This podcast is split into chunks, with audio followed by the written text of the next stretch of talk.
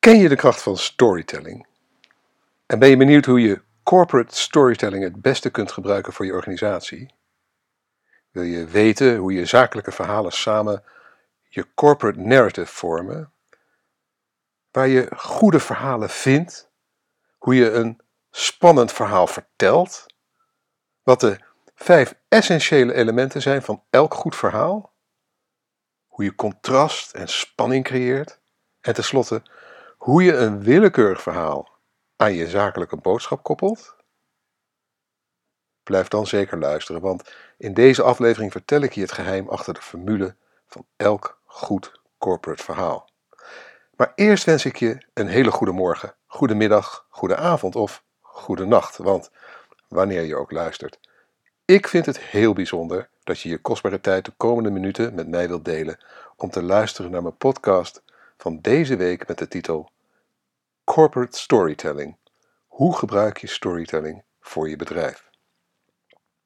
Mijn naam is Erik van Hal, oprichter van CopyRobin, een dienst waarmee je altijd over een copywriter kunt beschikken voor een bescheiden vast bedrag per maand. En natuurlijk oprichter van MediaWeb, het internetbureau uit Noordwijk, dat is gespecialiseerd in responsive webdesign en e-commerce. Nou, ik wil je nog even wijzen op de workshop No Bullshit Business Blogging, die ik op 20 mei geef. De eerste was op Goede Vrijdag en dat was een groot succes. Nou, voor 20 mei heb ik nog een paar plekken beschikbaar met 50% korting. En als je deze link die ik je nu ga geven volgt, dan kun je gebruik maken van die aanbieding. En dan kost die dus geen 60 euro, maar 30 euro exclusief BTW. En die link is http://bit.ly bit.ly slash NOBS 2 vriend. En ik zal dat nog even uitspellen voor je. Dus bit.ly, dat ken je wel, de bit.ly shortener. En dan slash NOBS, het cijfer 2 en het woord vriend. Allemaal aan elkaar geschreven. NOBS 2 vriend. Nou, wacht niet te lang, want ik heb, zoals ik al zei, nog maar een paar plekken met die korting over. Goed, dan gaan we naar de podcast, het onderwerp van deze week. En je vraagt je dus af hoe je storytelling kunt gebruiken voor je bedrijf. Dat neem ik aan, want je luistert nu nog.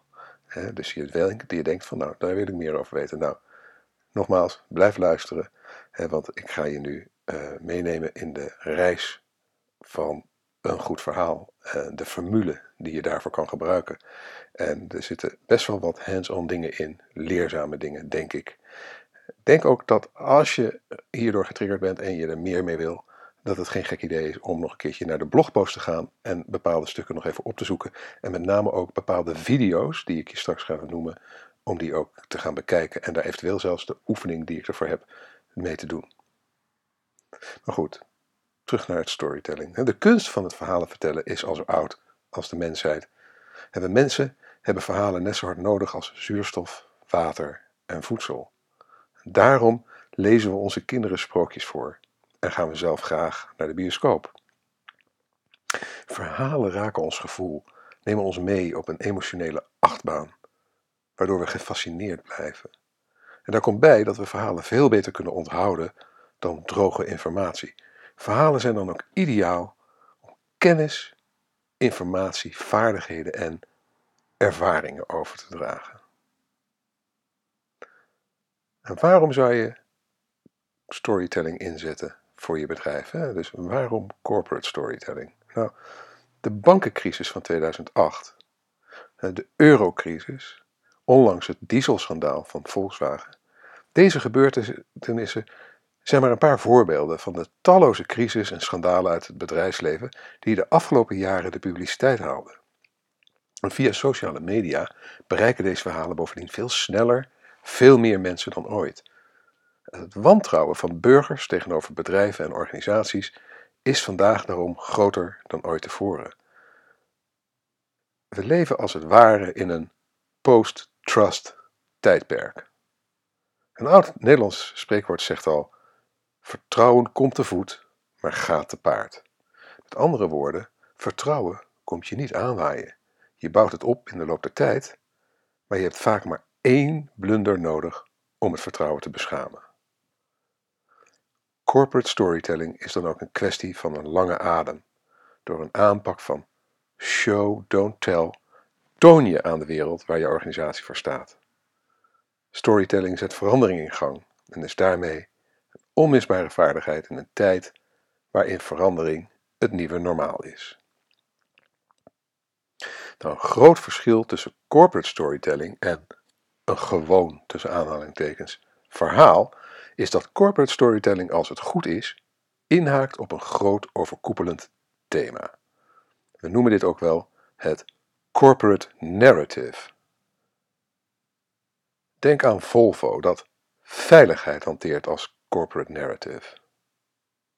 Alle losse verhalen haken in op het thema veiligheid. En in de blogpost heb ik een, de Volvo Story als video embed. En daar zie je dat ook. Hoe, dat, hoe alles in elkaar haakt rondom het ene vaste corporate narrative veiligheid. En daar komt bij dat een corporate narrative maakt corporate storytelling schaalbaar. Elk individueel verhaal versterkt als het ware de kernboodschap. Een vrij voorbeeld van een goed uitgevoerd corporate narrative is Toyota. Toevallig ook weer een automobile bedrijf, maar ze doen ook heel veel andere dingen. Nou, hun corporate narrative draait om de manier waarop Toyota productieprocessen continu verbetert en dat ze hun processen delen met de wereld. En zo hielpen deskundigen van Toyota een voedselbank in New York om veel efficiënter voedselpakketten uit te delen na Superstorm Sandy. En daar heb ik ook een mooie video van geëmbed in de, in de blogpost. Als dit mooie verhaal op zichzelf stond, zouden we de rol van Toyota waarschijnlijk snel vergeten. Maar onder het motto We believe when good, good ideas are shared, great things can happen, helpt Toyota veel meer organisaties en bedrijven om efficiënter te produceren. En elk los project versterkt op die manier alle overige projecten en daarmee het corporate narrative. En ze noemen dit bij Toyota the Toyota Effect. Link in de blogpost. Corporate storytelling begint dus met het bepalen van dat grote overkoepelende thema, het corporate narrative. Als je dat voor jouw organisatie nog niet helder hebt, zou ik daar dus mee beginnen. Een uitstekend startpunt voor je eventuele zoektocht naar je corporate narrative is het achterhalen van het waarom van jouw bedrijf. Waarom doen jullie wat jullie doen? Wat is het bestaansrecht van je organisatie? Heel inspirerend is wat dat betreft de TED Talk uit 2009 van Simon Sinek, Start with Why, How Great Leaders Inspire Action. Die kun je zo opzoeken in YouTube en ik heb uiteraard voor het gemak ook en weer embed in de blogpost. Goed, je hebt je corporate narrative bedacht, maar waar vind je nu je verhalen? Nou, de eerste tip die ik je wat dat betreft wil geven is dat die zoektocht begint lang voordat je een verhaal gaat schrijven. Want wat doen goede schrijvers nog veel meer dan schrijven? Juist, lezen, luisteren en kijken. Want zonder input geen output. Zo simpel is het. Bezoek daarom elke dag meerdere blogs, lees boeken, kijk naar documentaires en luister naar podcasts. Ja, zeker weten. En dat doe je nu, dus gefeliciteerd. En luisterboeken bijvoorbeeld. Ideaal om informatie op te nemen terwijl je onderweg bent of iets anders doet.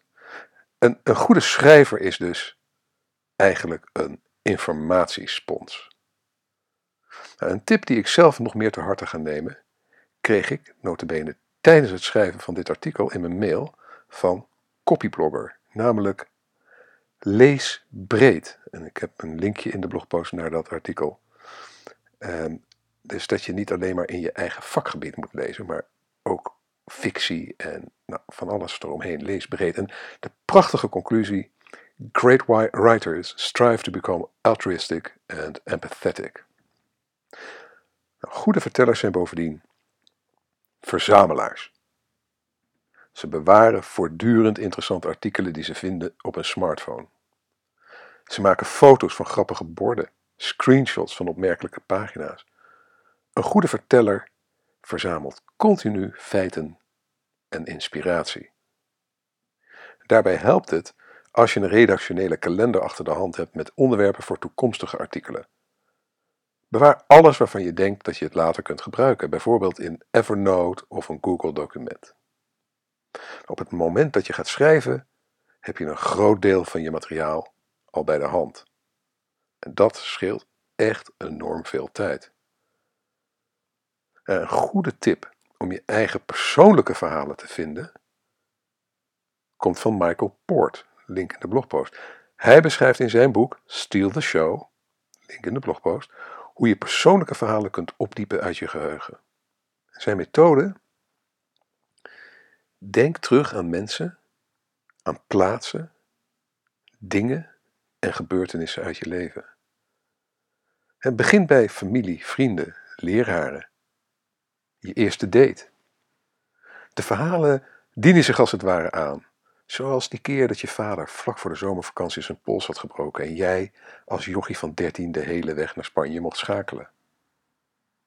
Die, die, die schoot mij toevallig net te binnen toen ik dit aan het schrijven was.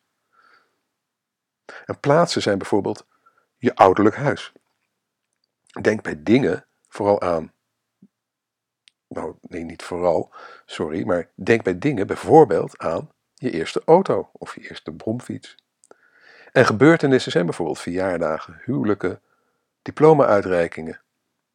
Als je terugdenkt aan mensen, plaatsen, dingen en gebeurtenissen in je leven, ja, dan put je eigenlijk uit een eindeloze bron van verhalen. Nou, voor je corporate stories vind je natuurlijk ook de mooiste verhalen op de werkvloer, bij collega's, klanten, leveranciers, concurrenten en relaties. Denk aan een klant en net als bij een vriend of kennis komen de verhalen als het ware vanzelf op je af. Zo vind ik, als ik aan een paar klanten denk, vanzelf tal van verhalen over zenuwslopende pitches, pijnlijke maar leerzame fouten, bijzondere loyaliteit en ook vriendschappen. Onlangs volgde ik zelf een workshop storytelling van Sean de Souza, link in de blogpost, en hij liet in die workshop zien hoe je niet-persoonlijke verhalen kunt vinden in documentaires, tijdschriften, kranten, etc. De kunst is ook hier om die verhalen continu te verzamelen en te bewaren op een plek waar je ze snel kunt terugvinden wanneer je ze nodig hebt.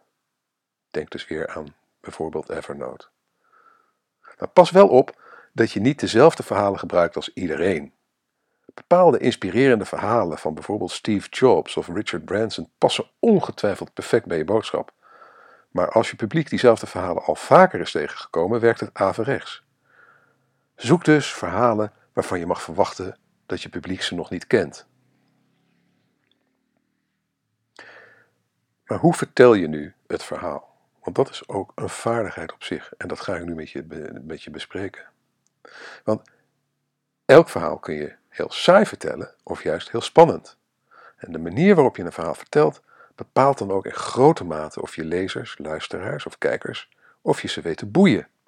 Daarom loont het zeker de moeite om goed na te denken over de structuur van je verhaal en niet alleen over de inhoud.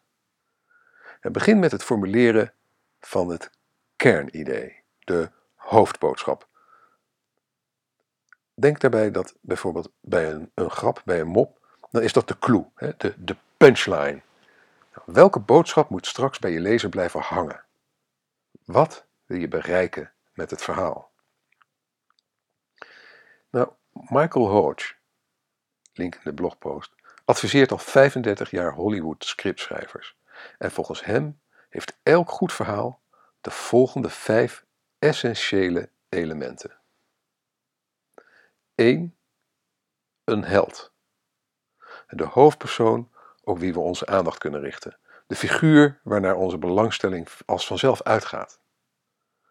Nummer 2, element 2 van de 5, empathie. We moeten met die held kunnen meevoelen. We vinden de held aardig of we hebben medelijden met hem of haar. Er moet een psychologische band tussen ons als kijkers, lezers en de hoofdpersoon ontstaan. Element 3. Een uitdaging. De hoofdpersoon moet een moeilijk te realiseren doel hebben. Hij of zij moet iets echt heel erg graag, heel desperaat willen bereiken. Punt 4, element nummer 4, conflict. Want die uitdaging moet voor de toeschouwer, een, en dat, dat zijn wij dus, een onmogelijke opgave lijken. De held moet er keihard voor strijden. Zonder conflict geen verhaal. En hoe groter de obstakels die de held moet overwinnen, hoe meer emotie het verhaal zal oproepen. En tenslotte nummer 5, moed. Om zijn of haar doel te bereiken, moet de held alles op het spel zetten. Zijn of haar grootste angsten overwinnen. En zie hier de vijf elementen van werkelijk elke succesvolle Hollywoodfilm. En dit is volledig toepasbaar op elk verhaal. Elk verhaal wordt sterker met alle vijf deze elementen. En je hebt ze ook echt, volgens Michael Hodge, alle vijf nodig. want als één van deze vijf elementen ontbreekt, dan zal een script, want deze man die beoordeelt al 35 jaar filmscripts, weinig tot geen kans maken om ooit te worden verfilmd. En ik heb in de blogpost een video embed, uh, een interview met uh, Michael Hodge, waarin hij dus vertelt, uh, eigenlijk dit verhaal vertelt in zijn eigen woorden. Ehm, het is absoluut een aanrader om even naar te gaan kijken. Nou, volgens Michael Hodge gelden deze principes ook voor corporate storytelling. De held is in dit geval vaak de klant, nooit het bedrijf zelf. En de kijker moet met die klant kunnen meeleven, zich ermee identificeren. En de uitdaging is het probleem waarvoor jouw organisatie de oplossing biedt. Het conflict bestaat uit alle obstakels die de klant moet overwinnen om zijn of haar probleem op te lossen. En de moed blijkt eruit dat de klant uiteindelijk besluit om te veranderen, bijvoorbeeld door een bestaande leverancier in te wisselen voor jouw bedrijf. Nou, als je de vijf essentiële elementen van je verhaal eenmaal hebt, is de volgende stap om het verhaal op te delen in drie acten. Schrijvers gebruiken deze beproefde formule al sinds de klassieke oudheid om hun verhalen te vertellen. Het mooie is dat je deze formule waarmee, hè, dat je dezelfde formule dus, waarmee blockbusters als Star Wars, Titanic en Avatar zijn geschreven, ook kunt gebruiken voor de meest eenvoudige teksten van jouw bedrijf. Acte 1. De situatie. Acte, acte 1 is dus de situatie. Elk verhaal begint met het wie, wat, waar en wanneer. En je schetst een zo concreet en herkenbaar mogelijk beeld van de bestaande situatie voor jouw held. Maar dat betekent niet dat je dit op een saaie manier moet doen. Integendeel, want om de lezer direct te boeien, bouw je gelijk ook spanning, raadselachtigheid. In het Engels zeggen ze dat zo mooi, suspense in. Speelfilms beginnen niet voor niets meestal midden in een spannende situatie. Hè? Denk aan James Bond, die bij, de, bij het allereerste shot al midden in een achtervolgingsscène zit. Nou, wat zou een spannende situatie zijn waarin je jouw lezer kunt plaatsen? Het moment dat zijn harddisk crasht? Een medewerker die zich ziek meldt op een onmogelijk moment? Gebruik je fantasie. Dat was dus acte 1, de situatie. Dan komen we bij acte 2, het probleem. dus na acte 1 komt stevast acte 2 en dat is het probleem. De grote uitdaging waarmee de hoofdrolspeler wordt geconfronteerd. In een speelfilm is dit meestal een, een serie van problemen en oplossingen. De hoofdpersonen bevinden zich als het ware in een achtbaan. Tot op een gegeven moment, meestal zo rond twee derde van de film, de situatie uitzichtloos lijkt. Herken je dit? Nou, dat is het conflict. Als de Titanic zinkt, vraag je je toch af hoe de hoofdpersonen zich daaruit gaan redden. En voor jouw zakelijke verhaal betekent dit dat de uitdaging, het probleem van jouw klant, dat je dat sterk benadrukt. Leg de pijn zodanig bloot dat hij wordt doordrongen van de noodzaak iets te doen. Waar ligt de pijngrens van jouw klant? En dat brengt ons bij acte 3 de oplossing. Als je in het ijskoude Noord-Atlantische Oceaan aan het verdrinken bent, dan grijp je een reddingsboei, maar, reddingsboei maar wat graag aan. Als jouw lezer meer dan ooit beseft dat zijn situatie nu echt moet veranderen en jij biedt de oplossing, zal hij veel eerder de moed hebben om tot actie over te gaan. Dus nadat je de bestaande situatie hebt geschetst, de pijn hebt blootgelegd en benadrukt kom je in acte 3 met je oplossing. Dat is de kracht van storytelling. Wat is jouw reddingsboei voor je klant? Het volgende onderdeel van een goed verhaal is contrast. Je moet contrast creëren. Kijk eens met andere ogen naar de eerstvolgende speelfilm, tv-serie of natuurdocumentaire die je gaat zien. Als je goed oplet, zul je merken dat je als kijker voortdurend heen en weer wordt geslingerd tussen hoop en vrees. Dat noemen we contrast. Telkens als de hoofdpersoon een obstakel heeft weten te overwinnen en alles, alles weer op rolletjes lijkt te lopen, dient zich weer een nieuw probleem aan. Het verhaal neemt ons mee op een emotionele achtbaanrit. Een rasverteller die werkelijk een meester is in het aanbrengen van contrast in een op zich eenvoudig verhaal is David Attenborough. Nou, in de blogpost heb ik een video geëmbed. Uh, een heel aangrijpend filmpje over het uitvliegen van brandganskuikens. Um, en nu voor de podcast zal ik het je zo meteen een beetje beschrijven uh, dat gaat. Maar als je naar de blogpost teruggaat en je gaat het filmpje bekijken, probeer dan tijdens het, tijdens het kijken de contrastmomenten te noteren. Dus wanneer je een positieve en een negatieve e-, emoties, wanneer die elkaar afwisselen. En je zult zien dat dit in een filmpje van iets meer dan vier minuten nog heel erg veel zijn. En ik heb ook een schema um, uh, in de blogpost uh, geplakt, een plaatje, een, een, een, foto van um, uh, van een oefening die ik zelf heb gedaan tijdens de masterclass van Sean de Souza met dit filmpje. En daar zie je de afwisseling van spanning en opluchting in het verhaal van de brandganskuikens weergegeven. Uh, en en uh, het is een tijdlijn van links naar rechts en daar zie je opeenvolgend pijlen omhoog met positieve gebeurtenissen en pijlen omlaag met negatieve gebeurtenissen. Uitgeschreven, hè, uitgesproken in dit geval, verloopt het verhaal als volgt. En ik zal telkens de bijbehorende emoties er als het ware tussen haakjes bij zeggen. Het openingsshot. Kuiken op punt van uitvliegen. Hoopvol moment. Volgende shot kijkt het kuiken van eh, zeg maar vanuit het gezichtspunt van het kuiken kijken we in een heel diep ravijn. En de camera zoomt, nog wat in ook. En uh, spannende muziek eronder. Dus we voelen spanning, we voelen angst van jeetje, gaat hij daar vanaf springen? Vervolgens de afzet en een perfecte glijvlucht. Je, het is ongelooflijk, het is een kuiken dat nog niet kan vliegen, maar die glijdt werkelijk waar prachtig naar beneden. En nou, dat is bewondering, euforie zelfs, wat we voelen. En plots klapt het kuiken op een rots. Ontsteltenis, dat is het gevoel wat ik erbij krijg. En nog een keer, afschuw. En nog een keer. En vervolgens tuimelt het kuiken ogenschijnlijk levenloos van de berg. Het voelt als ontluistering. Er zijn allemaal pijlen naar beneden, hè? drie achter elkaar. Nu weer een pijl omhoog. De ouders staan te wachten. Hoop. Ze ontnemen ons het zicht op het kuiken. Leeft hij nog? Spanning, suspense. En David Attenborough laat ons best lang wachten. Maar dan komt het moment. Hij leeft. Een grote pijl omhoog. Grote opluchting. Maar andere kuikens hebben het niet gered. Verdriet. Pijl omlaag. En een andere is er slecht aan toe. Bezorgdheid. Pijl omlaag. Maar gelukkig reageert hij op zijn moeder. Hoop. Pijl omhoog. Nou, de weerstand van brandganskuiken is enorm. Bewondering. Pijl omhoog. Ze moeten haast maken, want er liggen rovers op de loer. Gevaar, angst, pijl omlaag. Het derde kuiken komt in beweging. Opluchting, pijl omhoog. Maar hij, hij ligt nog wel achter.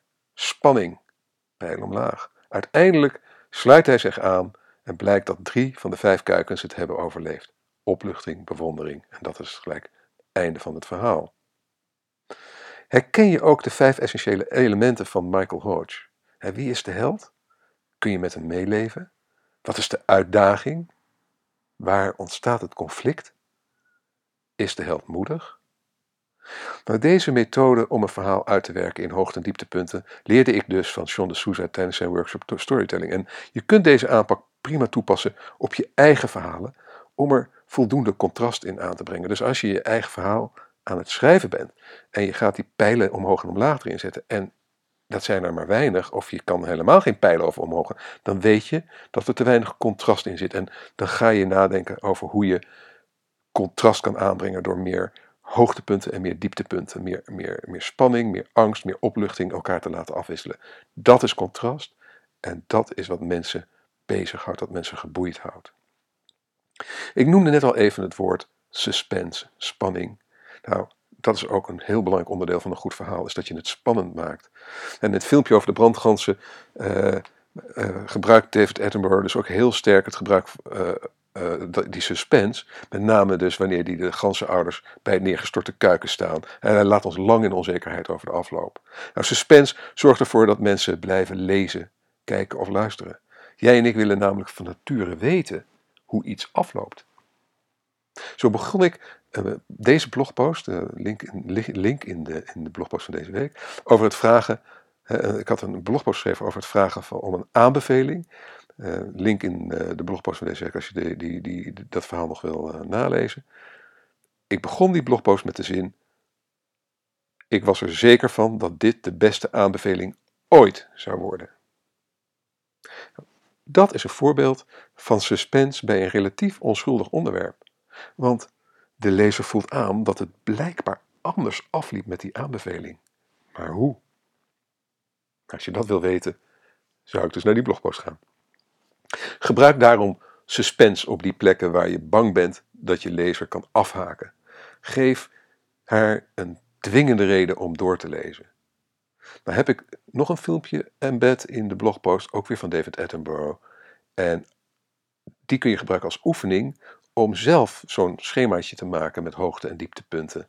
Um, uh, dus als je dit wil gaan doen, die oefening, ga naar de blogpost en ga naar dat filmpje over The Lions Battle to Survive van David Attenborough. En uh, maak zo'n schemaatje. Het voorbeeld zit ook in de blogpost, zoals ik al zei. Het volgende belangrijke element van een goed verhaal is ademruimte, white space. Een film die van begin tot eind één grote hoge snelheidsachtervolging is, werkt niet. Dat houdt geen kijker vol. Ik gaf al aan dat contrast belangrijk is, niet alleen tussen hoogte- en dieptepunten, maar ook in het tempo waarin het verhaal zich ontvouwt. Wissel daarom regelmatig van tempo in je verhaal. Geef je lezer de tijd om bij te komen en het gelezene te verwerken.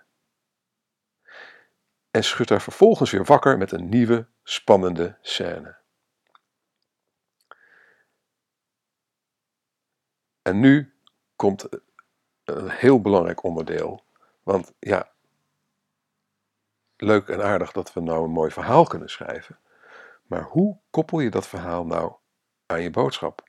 want ik hoor het je eigenlijk al vragen. Ja, Erik, dat is allemaal leuk en aardig, hè? maar hoe koppel, ik dat dan aan mijn zakelijke boodschap? Nou, tijdens de workshop Storytelling liet John de Souza me zien dat je in principe elk verhaal aan elke zakelijke boodschap kunt koppelen. Niet dat het makkelijk is. Ik stoei er nog regelmatig mee. Maar het kan absoluut. Eh, de truc is om de hoogte- en dieptepunten van een verhaal op een tijdlijn te zetten, zoals ik uh, net heb, uh, al heb besproken. En vervolgens houd je je zakelijke boodschap ernaast. En bij elk hoogte- of dieptepunt kijk je of je dat moment kunt aansluiten op je boodschap. Laten we teruggaan naar onze brandganskuikentjes. Op het moment dat het kuikentje bij zijn ouders is en nog blijkt te leven, kun je koppelen aan een boodschap over de beloning van het nemen van risico, of over vertrouwen dat wordt beloond, of over een goede voorbereiding op moeilijke omstandigheden. De kuikens zijn fysiek voorbereid op de harde klappen die ze moeten ondergaan. Maar op het moment dat andere kuikens het niet blijken te hebben overleefd, kun je koppelen naar een boodschap over de rol van pech in zaken of de noodzaak je goed voor te bereiden op het moment dat de ouders haast maken omdat er rovers op de loer liggen, kun je koppelen naar een boodschap over planning, timing, afstemming. Nou, als je daar serieus mee aan de slag gaat, dan zul je zien dat er veel meer mogelijk is dan je ooit zou durven dromen. Nou, het moment dat het derde kuikentje aansluiting vindt, kun je overigens weer koppelen aan de boodschap over doorzettingsvermogen, teamgeest, geluk en met enige fantasie kun je dus elk verhaal aan je boodschap koppelen. Maar natuurlijk leent het ene verhaal zich er beter voor dan het andere. Logisch. Als je meer voorbeelden wilt horen van hoe Sean de Souza dat zo meesterlijk doet, dan raad ik je echt van harte aan om zijn podcast The Three Month Vacation te beluisteren. Link in de blogpost. Want elke aflevering weet hij weer drie mooie verhalen te koppelen aan, aan een leerzame boodschap. En dat zijn echt, dat zijn zowel persoonlijke verhalen als verhalen die hij gewoon uit documentaires heeft gehaald of uit, uh, uit tijdschriften. Echt geniaal en uh, hoe hij dat koppelt aan, aan, aan, aan zijn boodschap. Soms, ik, ja, ik, ik sta er nog steeds van te kijken hoe hij dat elke keer weer doet. En ik ben wat dat betreft zelf ook nog lerende hoor, moet ik je eerlijk toegeven. Het is niet zo makkelijk, maar het kan. En als je daar serieus mee aan de slag wil, nou, dan heb je daar een heel mooi uitgangspunt. Overigens is die podcast van Sean de Souza, de Three Month Vacation, sowieso een absolute aanrader voor elke marketeur uh, en ondernemer. Goed, ik ga het samenvatten. Ik ga het voor je even op een rijtje zetten, want dit is een behoorlijke lange um, uh, podcast geweest. En um, ik heb veel dingen behandeld. En daarom zet ik het nu nog eventjes netjes voor je op een rijtje. De kunst van het verhalen vertellen is al zo oud als de mensheid. En we mensen hebben verhalen net zo hard nodig als zuurstof, water en voedsel. Verhalen zijn dan ook ideaal om kennis, informatie, vaardigheden en ervaringen over te dragen. En door de vele schandalen uit het bedrijfsleven en de grote transparantie van het internet leven we momenteel in een post-trust tijdperk. Corporate storytelling helpt om het vertrouwen van consumenten te winnen. Verhalen zetten bovendien verandering in gang. Daarmee is corporate storytelling een onmisbare vaardigheid in een tijd waarin verandering het nieuwe normaal is. Een groot verschil tussen corporate storytelling en een gewoon verhaal is dat corporate storytelling, als het goed is, inhaakt op een groot overkoepelend thema. En we noemen dit ook wel een corporate narrative. Een corporate narrative maakt corporate storytelling schaalbaar. Denk aan de corporate narratives van Volvo, veiligheid, en Toyota, procesoptimalisatie. Je corporate narrative begint met je waarom. Als je het waarom van je organisatie nog niet helder hebt, laat je dan zeker inspireren door Simon Sinek. Nou, verhalen vind je overal om je heen. Persoonlijke verhalen vind je door te denken aan mensen, plaatsen, dingen en gebeurtenissen. En andere verhalen door bewust te kijken naar documentaires, te luisteren naar podcasts en door kranten, boeken en tijdschriften te lezen. En voor je corporate stories vind je de mooiste verhalen ook op de, op de werkvloer. Een goede schrijver is bovendien een informatiespons, zonder input geen output, en een verzamelaar. Je ah, moet eigenlijk altijd je ogen open hebben uh, ogen en oren open hebben voor het materiaal wat je kan gebruiken voor je verhalen. Nou, bepaal je hoofdboodschap en gebruik de vijf essentiële elementen van een goed verhaal. En dat zijn, nogmaals, dat zijn, dat zijn eh, van Michael Hawke, die vijf essentiële elementen. Dat zijn, elk goed verhaal heeft een held, uh, heeft empathie die, de, die wij als kijker kunnen opbrengen voor die held. We moeten wat voor die held voelen, uh, sympathie of, of, of, of medeleven of iets dergelijks. Het heeft de uitdaging, het, het grote probleem. Vervolgens het conflict. Uh, en de, zeg maar, het moet eigenlijk een, een onoverbrugbaar grote opdracht, opgave lijken voor ons als toeschouwers. En de moed, de moed om te veranderen. Nou, giet die elementen vervolgens in de drie structuur, situatie, probleem, oplossing. En creëer contrast, suspense en ademruimte. Denk aan de uitvliegende brandganskuikens van David Attenborough. Nou, koppel je verhaal aan je boodschap. Gebruik de tijdlijn van Sean de Souza om het juiste moment in je verhaal te vinden dat zich leent om te koppelen aan je boodschap. En daar heb jij je corporate story. Nou, vind je dit moeilijk? Kun je wel wat hulp gebruiken bij de tekst van je website? Met CopyRobin heb je altijd een webredacteur of copywriter bij de hand, vanaf 79 euro per maand. En ik nodig je van harte uit om CopyRobin vrijblijvend te proberen. Ga daarvoor naar http://copyrobin.nl en CopyRobin schrijf je C-O-P-Y-R-O-B-I-N.nl en plaats een gratis proefopdracht. Als die tekst helemaal naar je zin is, kun je hem direct downloaden door een abonnement van tenminste een maand af te sluiten. Super simpel. Helemaal online. Dus ga, naar, ga nu naar copyrolling.nl en meld je proefopdracht aan. Je zult er geen spijt van krijgen. Dat beloof ik je. Nou, bedankt voor het luisteren. Als je nu nog luistert, dan, nou ja, dan zijn we met een select groepje samen bezig goede verhalen te vertellen, hoop ik. Ik hoop dat je er veel aan hebt, uh, hebt gehad, deze podcast. En als je nou elke week graag een notificatie wilt ontvangen met het onderwerp van de blogpost en de podcast, schrijf je dan in op onze nieuwsbrief via bit.ly slash nieuwsbrief Je kunt dan bovendien gratis deel 1 van mijn e-book Online Marketing Checklist en nog een aantal andere fraaie goodies downloaden. Nou, als je met plezier hebt geluisterd en je bent nog niet geabonneerd op deze podcast, abonneer je dan via iTunes of SoundCloud. En als je vindt dat andere online marketers of uh, ondernemers naar deze podcast zouden moeten luisteren, laat dan een review achter bij iTunes of SoundCloud en deel deze podcast met je sociale netwerken. je kunt ook deelnemen aan de conversatie over dit onderwerp door een reactie achter te laten onder de blogpost op onze website mediaweb.nl. Nou, nogmaals heel erg bedankt voor je aandacht en je tijd uiteraard. En heel graag tot de volgende keer.